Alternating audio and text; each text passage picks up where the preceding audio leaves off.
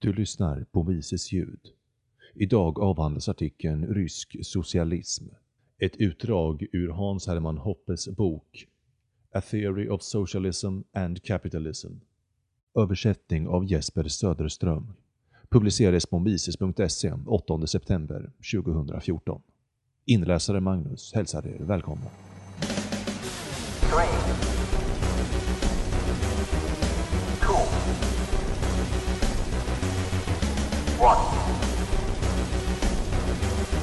Last,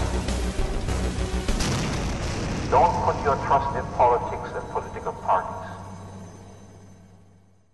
Tidigare har vi definierat socialism som en institutionaliserad policy för omfördelning av ägande. Mer exakt en överföring av ägande från människor som förvärvat det, antingen genom att bruka knappa resurser eller genom avtal med personer som gjort det tidigare, till personer som varken har uppoffrat knappa resurser eller förvärvat det genom avtal.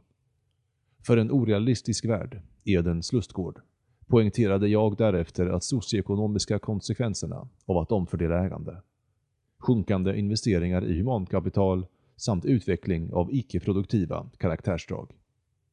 Jag ska nu både förstora och konkretisera denna analys av socialismen och dess socioekonomiska effekter genom att titta på olika sorters, lika typiska versioner av socialism. I detta kapitel kommer jag koncentrera mig på vad de flesta människor har kommit att betrakta som socialism par excellence. Kanske den enda typen av socialism. Eftersom detta troligen är den lämpligaste utgångspunkten för alla diskussioner angående socialism. Denna socialism par excellence är ett system där produktionsmedlen, det vill säga de knappa resurserna som används för att producera konsumtionsvaror, är nationaliserade eller socialiserade. Karl Marx, likt de flesta av vår samtida intellekta vänster, sysslade i själva verket nästan uteslutande med att analysera de ekonomiska och sociala defekterna av kapitalismen. Genom hans skrifter ges dock enbart några få, allmänna och vaga kommentarer om de konstruktiva problem som uppkommer vid produktionsprocessens organisation under socialismen. Kapitalismens påstått överlägsna alternativ. Det kan inte råda några tvivel om att detta är vad Marx ansåg en hörnsten av socialistisk politik och nyckeln till ett bättre och mer välmående samhälle. Således har socialisering av produktionsmedlen förespråkats av alla socialister i både ortodox och marxistisk tappning sedan dess. Officiellt är inte det det enda kommunistpartier i väst har i beredskap för oss. Även om det blir allt mer angelägna att underhålla detta faktum för att gripa makten. Inom alla socialistiska och socialdemokratiska partier i väst finns en mer eller mindre frispråkig och vältalig skara av något inflytande som helhjärtat stödjer och förespråkar socialisering. Om inte av alla produktionsmedel, så åtminstone av de stora industrierna och storföretagen. Uppmärksammas bör att mer eller mindre nationaliserade industrier har blivit en del av den sociala verkligheten, även i de så kallade mest kapitalistiska länderna. En nästan fullständig socialisering av produktionsmedlen har provats i Sovjetunionen och senare i alla Sovjetdominerade länder i Östeuropa, liksom i ett antal andra länder. Följande analys bör därför göra det möjligt för oss att förstå de ekonomiska och sociala problemen i samhället i den mån det kännetecknas av nationaliserade produktionsmedel och bör i synnerhet hjälpa oss att förstå de centrala problemen som plågar Ryssland och dess vasallstater eftersom dessa länder har en politik för socialisering så långtgående att det med rätta kan sägas vara deras dominerande strukturella särdrag. Det är också på grund av detta faktum typen av socialism under utredning kallas rysk socialism. Incitamenten för socialisering av systemen är onekligen relaterade till jämlikhet. Men när helst du låter privat ägande av produktionsmedlen tillåter du skillnader. Om jag äger en resurs A, då äger du den inte och vårt förhållande till denna resurs är alltså annorlunda. Genom att avskaffa privat ägande torde allas ställning i förhållande till produktionsmedlen utjämnas med ett enda slag. Alla skulle då bli delägare i allt, vilket återspeglar allas lika ställning som människor. För ett sådant system är det ekonomiska grundresonemanget att det förmodligen är effektivare.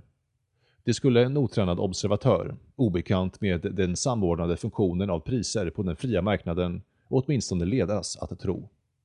För honom verkar kapitalismen som bygger på privat ägande av produktionsmedlen kaotisk. Det tycks vara ett slösaktigt system, vars främsta kännetecken är dubblering av arbetare, ruinerande av konkurrens och avskaffande av såväl samordnad som samordnande handling. Marxister hävdar respektlöst att det är en produktionsanarki. Först när kollektivt ägande ersatt det privata har det till synes blivit möjligt att eliminera detta slöseri. Genom att införa en enda omfattande samordnad produktionsplan. Viktigare än drivkrafter och luften är dock vad en socialisering av produktionsmedlen verkligen innebär. Fastighetslagstiftning i länder som Ryssland, som antagits i enlighet med en socialiseringspolicy som fastslår de grundläggande och rättsliga principerna, kännetecknas av två kompletterande funktioner. För det första, ingen äger de socialiserade produktionsmedlen. Dessa ägs kollektivt, vilket innebär att ingen person, grupp av människor eller alla tillsammans varken får köpa eller sälja dem och erhålla inkomst från deras försäljning privat. Deras användning bestäms därför inte av ägare, utan av förvaltare. För det andra får ingen person eller grupp av personer, eller alla tillsammans, idka privata investeringar för att skapa nya privata produktionsmedel. De får varken investera för att omvandla befintlig icke-produktiv resursanvändning till produktiv, genom att spara enskilt eller gemensamt, eller genom en blandning av dessa. Investeringar får endast genomföras av förvaltare och aldrig för privat vinning. Alltid på uppdrag av en minoritet som också tar del av de möjliga vinsterna från investeringarna. Vad innebär då denna förvaltning för en ekonomi? Vad i synnerhet krävs för ett skifte från en ekonomi byggd på naturlig privategendom till en socialiserad? Två observationer kommer att kasta ljus över de ovan nämnda socialistiska löftena om jämlikhet och effektivitet. Utplåning av privat ägande löser endast problemet med egendomsskillnader nominellt. Det löser inte det verkliga problemet, det vill säga skillnad i makt att dominera andra. I en ekonomi som bygger på privat ägande bestämmer ägaren vad som bör ske med produktionsmedlen. I en socialiserad ekonomi gäller inte detta eftersom det inte finns någon ägare i den bemärkelsen. Icke desto mindre existerar problemet med att bestämma över hur resurser bäst bör allokeras. Detta måste lösas på något sätt, eftersom det inte finns någon universell och förutbestämd harmoni av intressen. Då vore problemet redan löst. Snarare råder en viss oenighet. Endast en uppfattning om vad som bör göras kan faktiskt segra, och alla andra uppfattningar måste därför uteslutas. Därmed kommer ojämlikhet oundvikligen existera mellan människor eftersom någon, eller vissa gruppers, uppfattning måste segra över andras. Skillnaden mellan en ekonomi som bygger på privat egendom och en socialiserad är helt enkelt i vilken grad var och ens vilja råder när situationer av oenighet ska bestämmas.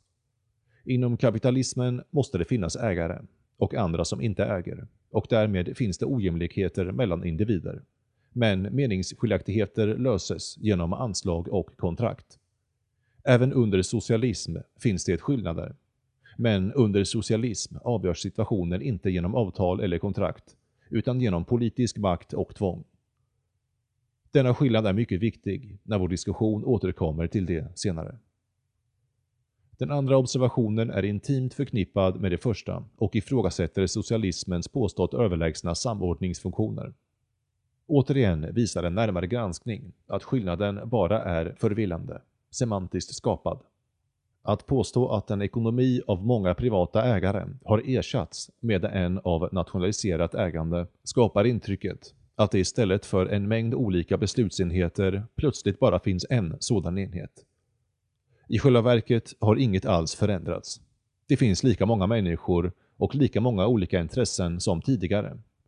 Socialismen hyser därför i lika hög grad som kapitalismen problemet att samordna användande av de olika produktionsmedlen på grund utav meningsskiljaktigheter bland människor om hur detta borde ske. Skillnaden mellan kapitalism och socialism består i hur samordning eftersträvas och därmed inte mellan kaos och ordning, som socialistiska semantiker antyder. Istället för att låta individer göra vad de vill samordnar kapitalismen åtgärder genom att begränsa människor till att respektera andras ägande. Socialismen tvingar, istället för att låta folk göra vad de vill, till koordinerade planer. då måste en persons eller grupps individuella plan avfärdas som en avvikande uppfattning oavsett tidigare ägare och avtal. Det behöver inte nästan påpekas att denna skillnad är av yttersta vikt. Men det är inte, som den marxistiska socialismen vill att vi ska tro, en skillnad mellan social planering och anarki. Snarare tvärtom. Så snart socialismens och kapitalismens samordningsmekanismer förs i ljuset och rekonstrueras, kommer socialismens anspråk på större effektivitet genast att förlora mycket av sin trovärdighet och det motsatta systemet förefaller då vara mer övertygande. Hur välgrundad denna tes faktiskt är och exakt varför det är kapitalismens och inte socialismens samordningsmekanism som visar sig vara ekonomiskt överlägsen blir tydligt när man vänder sig bort från uppenbara skillnader och koncentrerar sig på det underliggande. Omfördelning av ägande och därmed inkomster, vilket antyds som syfte att ge upp kapitalismen till förmån för en förvaltarekonomi som karaktäriseras ovan.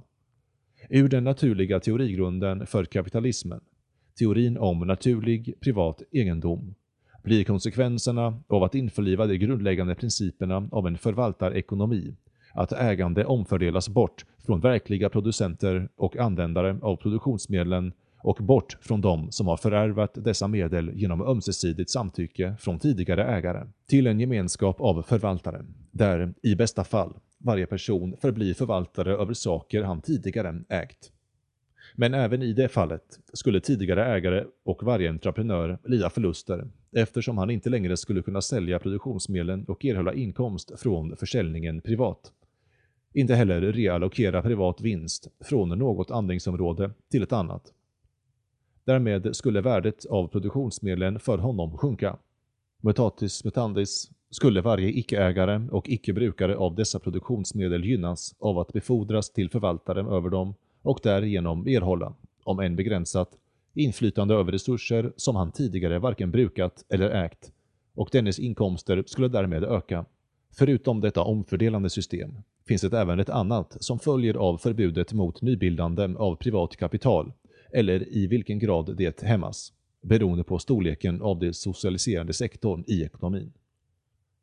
En omfördelning från personer som har avstått möjlig konsumtion idag och istället sparat ihop medel för att investera produktivt, det vill säga i syfte att producera ett större utbud av framtida konsumtionsvaror, men som nu inte längre kan göra det eller som nu har färre alternativ. För icke-sparare, som aldrig avstått konsumtion, blir effekten av detta omfördelande system att de får inflytande över andras sparade medel. De huvudsakliga samhällsekonomiska konsekvenserna av en politik för socialisering har antytts i dessa formuleringar. Men innan vi närmare undersöker dem kan det vara lönsamt att se över och klargöra de centrala effekterna av ett omfördelningssystem i den verkliga världen.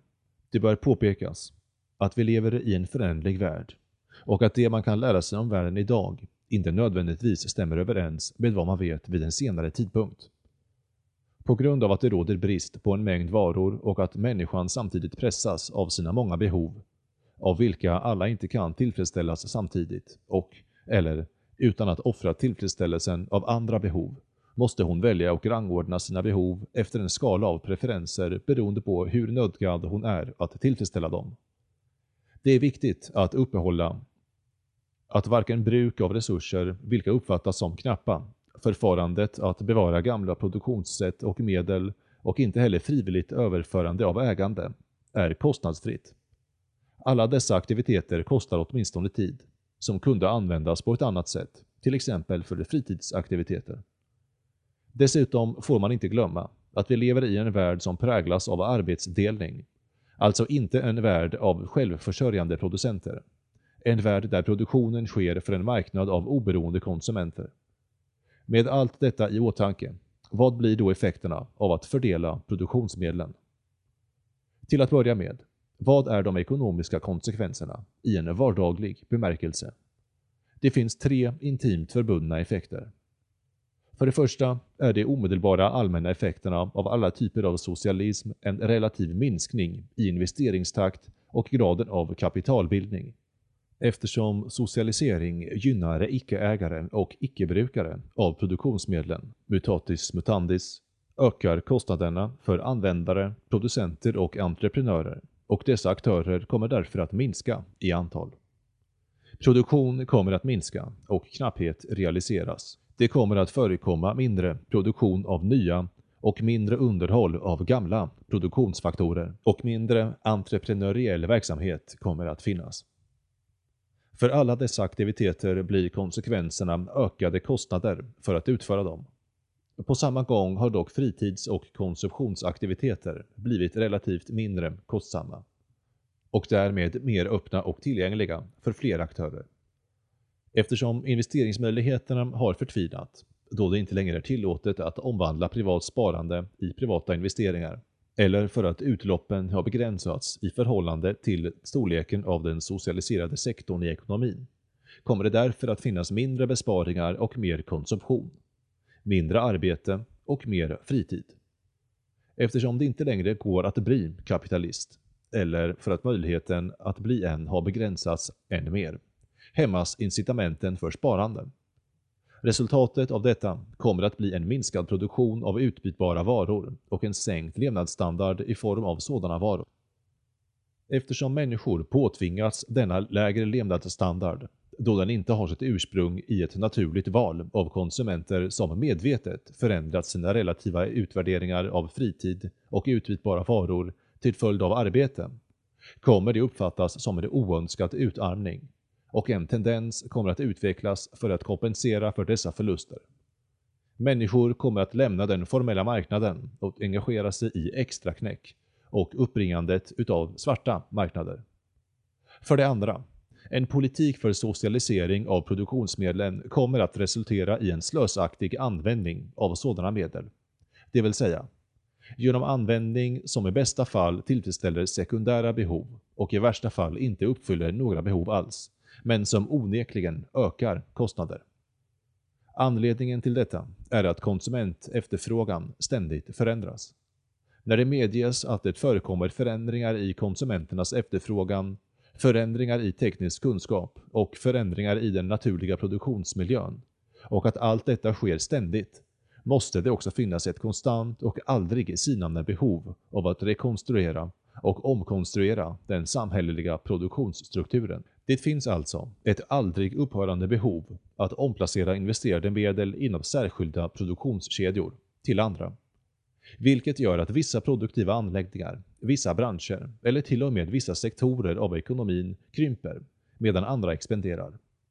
Låt oss anta, vilket dessutom är just vad som sker i ett socialiserat system, att det antingen är fullständigt olagligt eller extremt svårt att sälja kollektivt ägda produktionsmedel till privata aktörer. Processen att omorganisera produktionsstrukturen kommer då, även om den inte abrupt upphör, åtminstone allvarligt att hämmas. Skälet i grunden är simpelt, men fortfarande av yttersta vikt, eftersom produktionsmedlen antingen inte kan säljas, eller för att det är mycket svårt för en förvaltare att sälja dem, och för en privat köpare att köpa dem, eller båda, kan inget adekvat marknadspris för produktionsmedlen existera. Alternativt hindras bildandet av sådana priser och det gör det mer kostsamt. Men då förvaltaren eller producenten av de socialiserade produktionsmedlen inte längre korrekt kan fastställa de faktiska kostnaderna för att använda produktionsmedlen eller förändra produktionssättet, så kan han inte heller jämföra dessa kostnader med sina förväntade monetära inkomster från försäljning. Eftersom han inte tillåts att ta några erbjudanden från andra privatpersoner som kanske ser ett alternativt sätt att använda givna produktionsmedel, eller begränsas från att ta sådana erbjudanden, vet förvaltaren aldrig vad som går förlorat. De uteblivna möjligheterna och kan inte adekvat bedöma de monetära kostnaderna för att undanhålla resurser. Han kan inte upptäcka om hans sätt att använda dem, eller om en ändring av deras användning är värt resultatet i termer av avkastning, eller om kostnaderna är högre än avkastningen och därmed orsakar en nedgång i värdet av producerade konsumtionsvaror. Han kan inte heller fastställa om hans sätt att producera för konsumenternas efterfrågan verkligen är det mest effektiva sättet, jämfört med tänkbara alternativ, att tillfredsställa de mest nödgade konsumenternas behov, eller om mindre brådskande behov uppfylls genom att försumma mer akuta, vilket åtminstone orsakar en relativ nedgång i värdet av de varor som produceras. Utan möjligheten att tillgripa ekonomisk kalkyl finns det helt enkelt inget sätt att veta. Naturligtvis kan man gå vidare och försöka göra sitt bästa. Ibland kanske det till och med lyckas. Men det skulle trots detta inte finnas någon möjlighet att försäkra sig om det. I vilket fall som helst, ju större marknaden är som man måste tjäna och ju mer kunskap om olika konsumentgruppers preferenser, särskilda omständigheter i tid och geografisk plats och teknikspridning mellan olika individer, desto mer sannolikt är det att misslyckas. En missallokering av produktionsmedlen, med utarmning och brist som två sidor av samma mynt blir onekligen resultatet. Genom att hämma och naturligtvis ännu mer genom att göra det direkt olagligt för privata entreprenörer att bjuda ut produktionsmedel från förvaltare uppstår ett system som förhindrar möjligheter för förbättringar av den samhälleliga produktionen från att tas upp i deras rättmätiga utsträckning. Återigen behövs det knappast påpekas att detta bidrar till försämringen. För det tredje, socialiseringen av produktionsmedlen orsakar en relativ försämring av den allmänna levnadsstandarden och leder till ett överutnyttjande av produktionsfaktorerna. Anledningen till detta finns återigen att finna i förvaltarens säregna position jämfört med den privata ägaren. En privat ägare som har rätt att sälja produktionsfaktorerna och erhålla pengar samt inkomst privat kommer på grund av detta att försöka undvika en ökning av produktionen om det måste ske på bekostnad av värdet hos det aktiva kapitalet. Hans mål är att maximera värdet av de produkter som produceras och de resurser som används vid framställning av dem eftersom han äger båda. Han kommer alltså att sluta producera när värdet av marginalprodukten som produceras är lägre än värdeminskningen av det kapital som används för produktion. Följaktligen kommer han till exempel minimera avskrivningskostnaderna som ingår i produktionen och istället engagera sig i värdebevarande om han förutser framtida prisökningar på de produkter som tillverkas och vice versa. I detta avseende möts förvaltare av en helt annan incitamentsstruktur. Eftersom förvaltaren inte kan sälja produktionsmedlen kommer hans incitament att inte producera och därmed utnyttja det aktiva kapitalet på bekostnad av en alltför stor minskning av kapitalvärdet att minska relativt, om det inte helt upphör.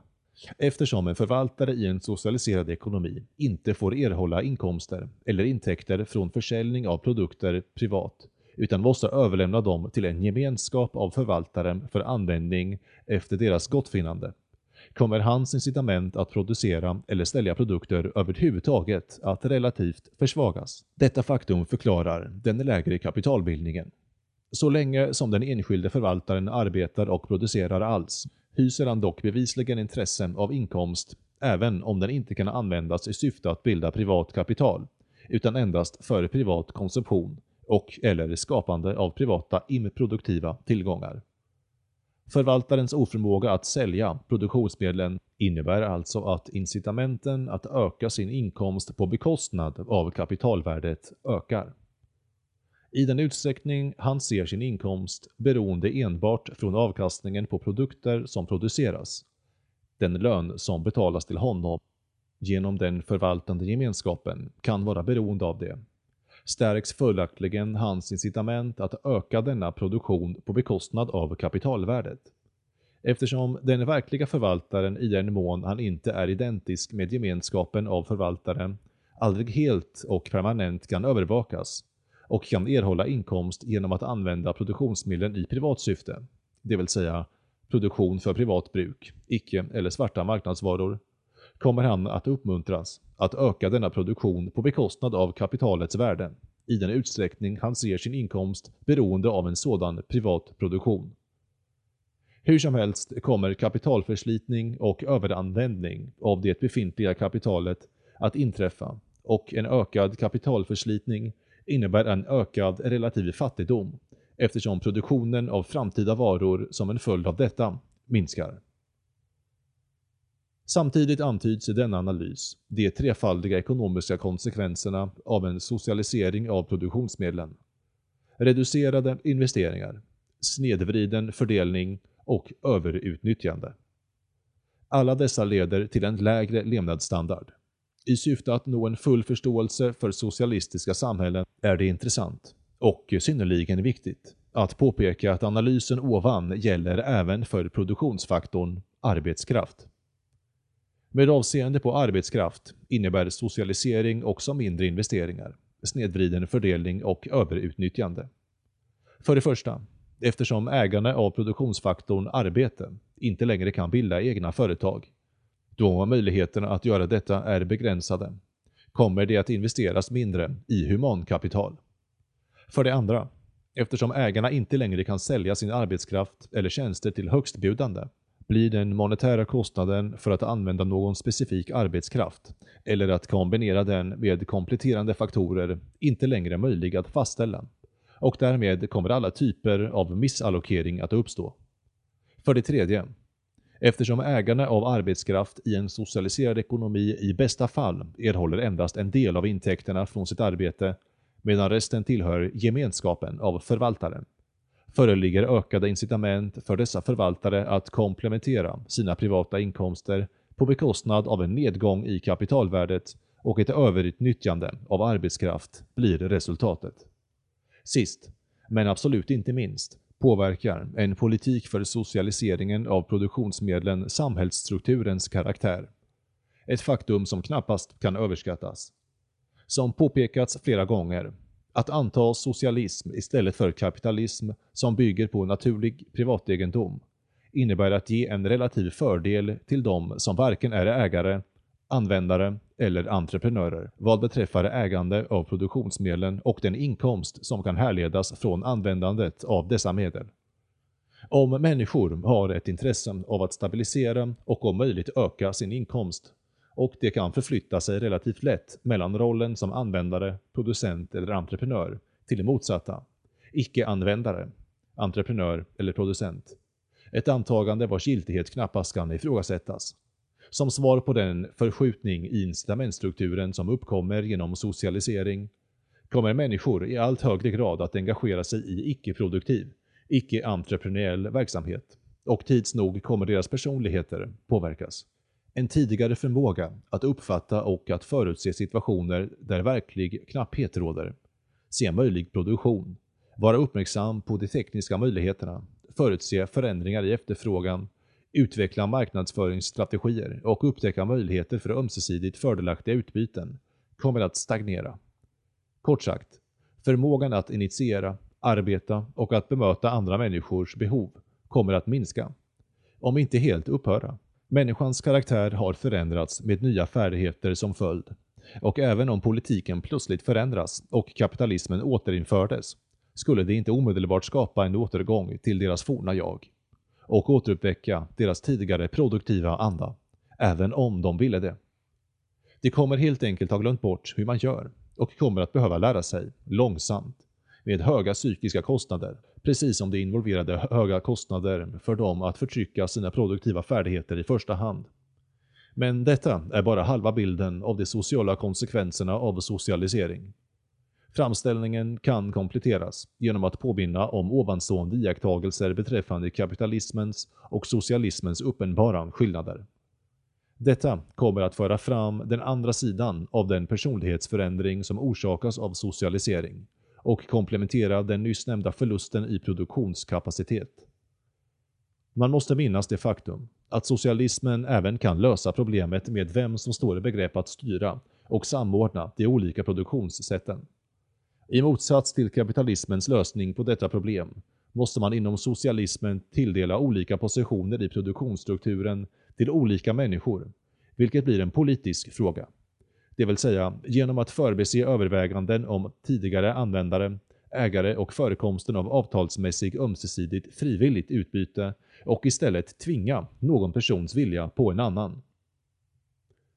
Uppenbarligen har en persons ställning i produktionsstrukturen en omedelbar effekt på hans inkomster, oavsett om det är i form av utbytbara varor, psykisk inkomst, status eller liknande. Följaktligen vill människor förbättra sin inkomst och flytta till högre värderade positioner i förvaltarhierarkin och måste i allt högre grad utveckla sina politiska talanger. Det blir irrelevant, eller åtminstone av reducerad vikt, att vara en mer effektiv producent eller entreprenör för att därigenom klättra hierarkin av inkomsttagare. Istället blir det allt viktigare att ha politikerns udda förmåga. Det vill säga förmågan att genom övertalning, demagogi och intriger, genom löften, mutor och hot, vinna allmänhetens stöd för sin egen position. Beroende på intensiteten i önskan om högre inkomster kommer människor att spendera mindre tid på att utveckla sina produktiva färdigheter och mer tid att odla politiska talanger och eftersom olika människor har olika grader av produktiva och politiska talanger kommer olika människor stiga till toppen så att man finner allt fler politiker vid varje steg i förvaltarhierarkin. Hela vägen till den absoluta toppen kommer det finnas människor som är inkompetenta att utföra det jobb de annars skulle ha gjort. Det är inget hinder för en förvaltare att vara dum, lat, ineffektiv och likgiltig, så länge han har goda politiska färdigheter och följaktligen kommer människor som dessa att förvalta alla produktionsmedel, överallt. En titt på Ryssland och övriga öststater, där en policy för socialisering av produktionsmedlen har genomförts, kan i hög grad bidra till att illustrera sanningshalten i ovanstående slutsatser. Även en ytlig bekantskap med dessa länder räcker för att se giltigheten av den första och viktigaste slutsatsen. Den allmänna levnadsstandarden i öststaterna som förvisso är olika från land till land. En skillnad som i sig skulle kunna förklaras genom graden av rigiditet som socialiseringen av systemet har och för närvarande sker på är helt klart mycket lägre än i de så kallade kapitalistiska länderna i väst. Detta stämmer, trots att den grad till vilken västländer socialiserats, som skiljer sig från land till land, i sig är ganska hög och normalt väldigt mycket underskattad, vilket kommer att framgå i senare kapitel. Även om teorin inte gör, och inte heller kan göra en exakt prognos för hur drastiska de utarmande effekterna av en socialiseringspolicy kommer att vara, med undantaget av att det kommer att vara märkbart, är det värt att nämna att när nära på fullständig socialisering först togs i kraft i Ryssland, omedelbart efter världskriget, kostade denna erfarenhet bokstavligen miljontals liv. Och det krävdes en tydlig förändring i politiken. Genom den nya ekonomiska politiken, NEP, återinfördes bara ett par år senare, 1921, element av privat ägande för att reducera de katastrofala effekterna till nivåer som var tolerabla. Upprepade förändringar av politiken tvingade Ryssland att gå igenom liknande upplevelser mer än en gång. Liknande, men något mindre drastiska, resultat från socialiseringspolitiken upplevdes av alla de östeuropeiska länderna efter det första världskriget. Även där tillät så småningom måttligt privatisering av små jordbruk, hantverk eller små företag för att förhindra ekonomisk katastrof. Sådana reformer till trots, som för övrigt visar att det i bjärt kontrast till socialistisk propaganda är privat och inte kollektivt ägande som förbättrar den ekonomiska utvecklingen och trots det faktum att extra knäck, olagliga produktiva verksamheter, byteshandel och svarta handelsmarknaden är allmänt förekommande fenomen i alla dessa länder, vilket man i enlighet med teori bör vänta, och trots att denna underjordiska ekonomi tar upp en del av den slappa verksamheten och hjälper till att förbättra saker, är levnadsstandarden i öststatsländer beklagligt låg och alla typer av basvaror är bristvaror eller av extremt dålig kvalitet. Fallet i Väst- och Östtyskland är särskilt upplysande. Här ger historien oss ett exempel som kommer så nära ett kontrollerat socialt experiment som man möjligen kunde önska. En ganska homogen befolkning med samma historia, kultur, karaktärsstruktur, arbetsetik, uppdelade efter Hitlertysklands nederlag i andra världskriget. I Västtyskland, mer på grund av lyckliga omständigheter än trycket från det allmänna, har en anmärkningsvärt fri marknadsekonomi antagits. Det tidigare systemet för allomfattande priskontroller avskaffades i ett slag och nästan fullständig rörelsefrihet, handel och sysselsättning uppstod. I Östtyskland, under rysk-sovjetisk dominans, praktiserades å andra sidan socialisering av produktionsmedlen, det vill säga tvångsinlösen från de tidigare ägarna. Således har två olika institutionella ramar, två olika incitamentstrukturer använts för samma population. Resultatskillnaderna är ovedersägliga. Även om båda länderna klarar sig bra i sina respektive block, har Västtyskland högst levnadsstandard bland de stora västeuropeiska nationerna och i jämförelse med Östtyskland, stolt över att vara det mest välbärgade landet i östblocket, är levnadsstandarden i väst så mycket högre och har blivit relativt än mer med tiden.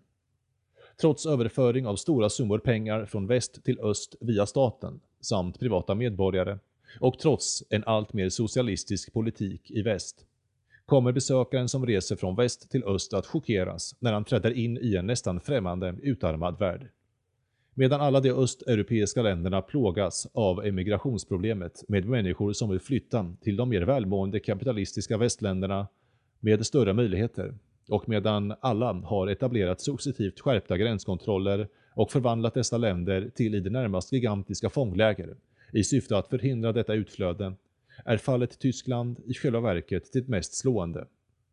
Med nästan obefintliga språkskillnader, traditionellt den mest allvarsamma naturliga barriären för emigranter, var skillnaden i levnadsstandard mellan de två så stor och utvandringen från öst till väst av sådana proportioner att den socialistiska regimen i Östtyskland år 1961 i ett sista desperat steg till sist var tvungen att stänga sina gränser till väst helt. För att behålla befolkningen konstruerades ett bygge av murar, taggtråd, elektrifierade stängsel, minfält, automatiska fotograferingsenheter, vakttorn etc. Nästan 15,5 mil långt, vars like världen aldrig tidigare hade skådat, med syftet att hindra folk från att undfly socialismens konsekvenser. För att illustrera de teoretiskt härledda slutsatserna måste man titta på jämförbara sociala situationer. Då är fallet Tyskland särskilt instruktivt. I Västtyskland kommer man inte att finna personer som arbetar så lite, så långsamt eller så oaktsamt. Arbetstiden är förvisso längre i öst och naturligtvis reglerad. Som sina östtyska grannar. Säkerligen inte på grund av eventuella påstådda skillnader i mentalitet eller arbetsetik, eftersom det varit väldigt lika historiskt. Men eftersom incitamenten till arbete stagnerat avsevärt genom en politik som effektivt hindrar alla, eller de flesta, utlopp för privata investeringar. Effektivt arbete stod man i Östtyskland mest sannolikt att finna i ekonomins svarta sektorer, som svar på regleringar, i synnerhet förekommande i den formella ekonomin. Det fanns även en tendens bland östtyskar att dra sig tillbaka från det offentliga livet och att betona vikten av integritet, familj, släktingar och personliga vänner och kontakter i en grad som betydligt överstiger vad som förekommer i väst. Det finns också gott om bevis för snedvriden fördelning, precis som vi förväntar oss från teori. Fenomenet med produktionsfaktorer som inte används, åtminstone inte hela tiden, men som helt enkelt är inaktiva eftersom kompletterande faktorer saknas, kan naturligtvis observeras även i Västtyskland, men i Östtyskland, absolut inte på grund av skillnader i organisatorisk förmåga, observeras det överallt som ett permanent inslag i livet, medan det normalt är ganska svårt i Västtyskland. Och förstås kräver speciell entreprenöriell förmåga att åstadkomma förändringar i användning av vissa produktionsmedel som skulle resultera i en total förbättring av produktionen av konsumtionsvaror, är det relativt lätt i öststatsländer. Nästan alla som arbetar i Östtyskland vet många sätt att använda produktionsmedel för mer angelägna ändamål än för närvarande, där de uppenbarligen är bortkastade och orsakar brist på andra, mer efterfrågade varor. Men eftersom de inte kan sälja dem till högstbjudande och istället måste gå igenom tråkiga politiska förfaranden för att initiera förändringar är det inte mycket som görs eller kan göras. Erfarenheten bekräftar också vad som sagts om den andra sidan myntet. Överutnyttjande av offentliga medel för produktion. I Västtyskland finns också sådana kollektiva nyttigheter. Och som väntat är de i relativt dåligt skick. Men i Östtyskland är det inte bättre, kanske till och med värre, än i vissa Sovjetdominerade länder där alla produktionsfaktorer är kollektivt ägda. Otillräckligt underhållna, förtvinade, oreparerade och rostiga. Bland dessa vandaliserade produktionsfaktorer ingår både maskiner och byggnader. Ekologikrisen är dessutom mycket mer dramatisk i Östtyskland trots den relativt underutvecklade ekonomin i jämförelse med Västtyskland. Detta kan omöjligen bero på skillnader i människors naturliga benägenhet att vårda och ta hänsyn. Slutligen. Vad gäller de teoretiska förutspådda förändringarna i sociala och personlighetsstrukturer Klagomål om överordnade är naturligtvis ett ganska vanligt fenomen överallt. Men i socialistiska länder i rysk tappning, där tilldelningen av positioner i förvaltarhierarkin är, och måste vara, en helt och hållet politisk angelägenhet, är sådana klagomål om rent inkompetenta, okvalificerade och löjliga överordnade, även om de inte är mer högljutt uttryckta, de mest allvarliga och bäst underbyggda och det driver ofta anständiga människor till förtvivlan eller cynism. Eftersom få människor från Östtyskland flyttar till Västtyskland i en ålder där de fortfarande ingår i arbetskraften undankommer en del. Men då oftast eftersom ett slags lösen har betalats för dem. Det finns tillräckligt med material för att illustrera slutsatsen att en socialiserad ekonomi på lång sikt kommer att minska människors produktionskapacitet. Bland de som kommer till väst är en betydande andel människor som levde ganska normala produktiva liv i öst, men som trots avsaknad av språkliga och kulturella hinder visat sig helt oförmögna, eller har stora svårigheter, att anpassa sig till det västerländska samhället med dess ökade efterfrågan på produktivitet, konkurrensförmåga och kämparglöd. Three. Two. One. And last, Don't put your trust in politics and political parties.